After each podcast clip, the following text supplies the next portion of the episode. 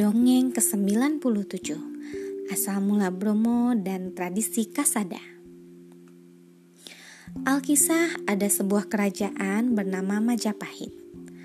Di sana hidup seorang putri cantik bernama Rara Anteng. Rara Anteng adalah putri dari Prabu Brawijaya.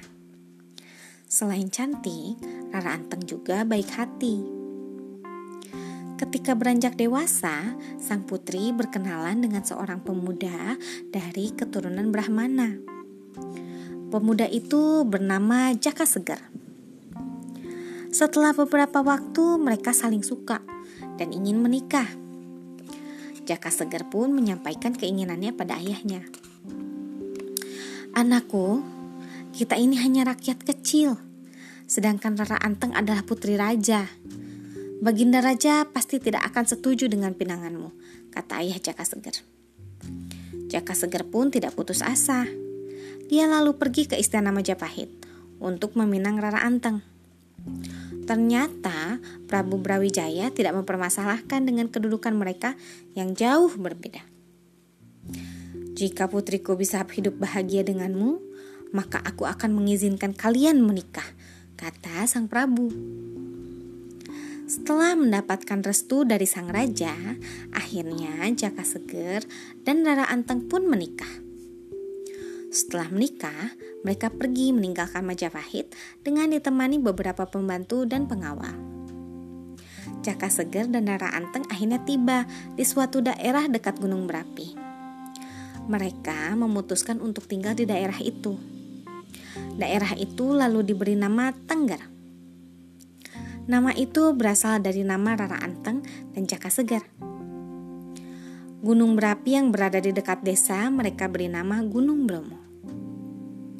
Mereka semua hidup tenang dan damai di desa Tengger.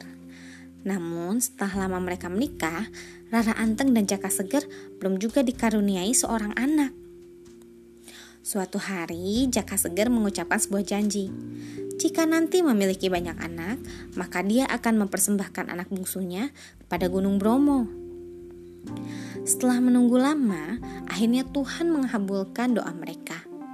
Rara Anteng dan Jaka Seger pun dikaruniai 10 orang anak. Semua anak mereka tumbuh dengan sehat. Kini 10 anak mereka sudah dewasa. Namun Jaka Seger belum juga memenuhi janjinya yang akan mempersembahkan anak bungsunya kepada Gunung Bromo.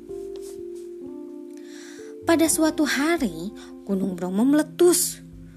Gunung itu mengeluarkan asap panas dan lahar. Penduduk Tengger pun panik dan segera mengungsi. Hanya Jaka Seger dan keluarganya yang tetap bertahan di daerah itu.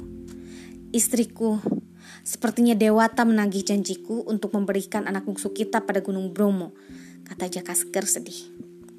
Akhirnya Jaka Seger dan Rara Anteng memanggil semua anaknya. Mereka menceritakan janji yang telah diucapkan sang ayah. Mendengar cerita itu, semua anaknya sangat sedih. Untuk melaksanakan janji kedua orang tuanya, mereka harus kehilangan adik bungsunya. Apabila kedua orang tuanya ingkar janji, Dewata akan marah. Hal ini dapat mencelakai seluruh penduduk Tengger. Tiba-tiba si bungsu yang bernama Kesuma mendekat. Ayah, ibu, dan kakak-kakakku tercinta, relakan aku pergi. Janji adalah janji. Kita harus menepatinya, kata si bungsu. Walau sedih dan berat hati, akhirnya semua keluarganya merelakan Kesuma pergi. Janji itu harus ditepati demi ketentraman rakyat Tengger. Ingatlah selalu kepergianku.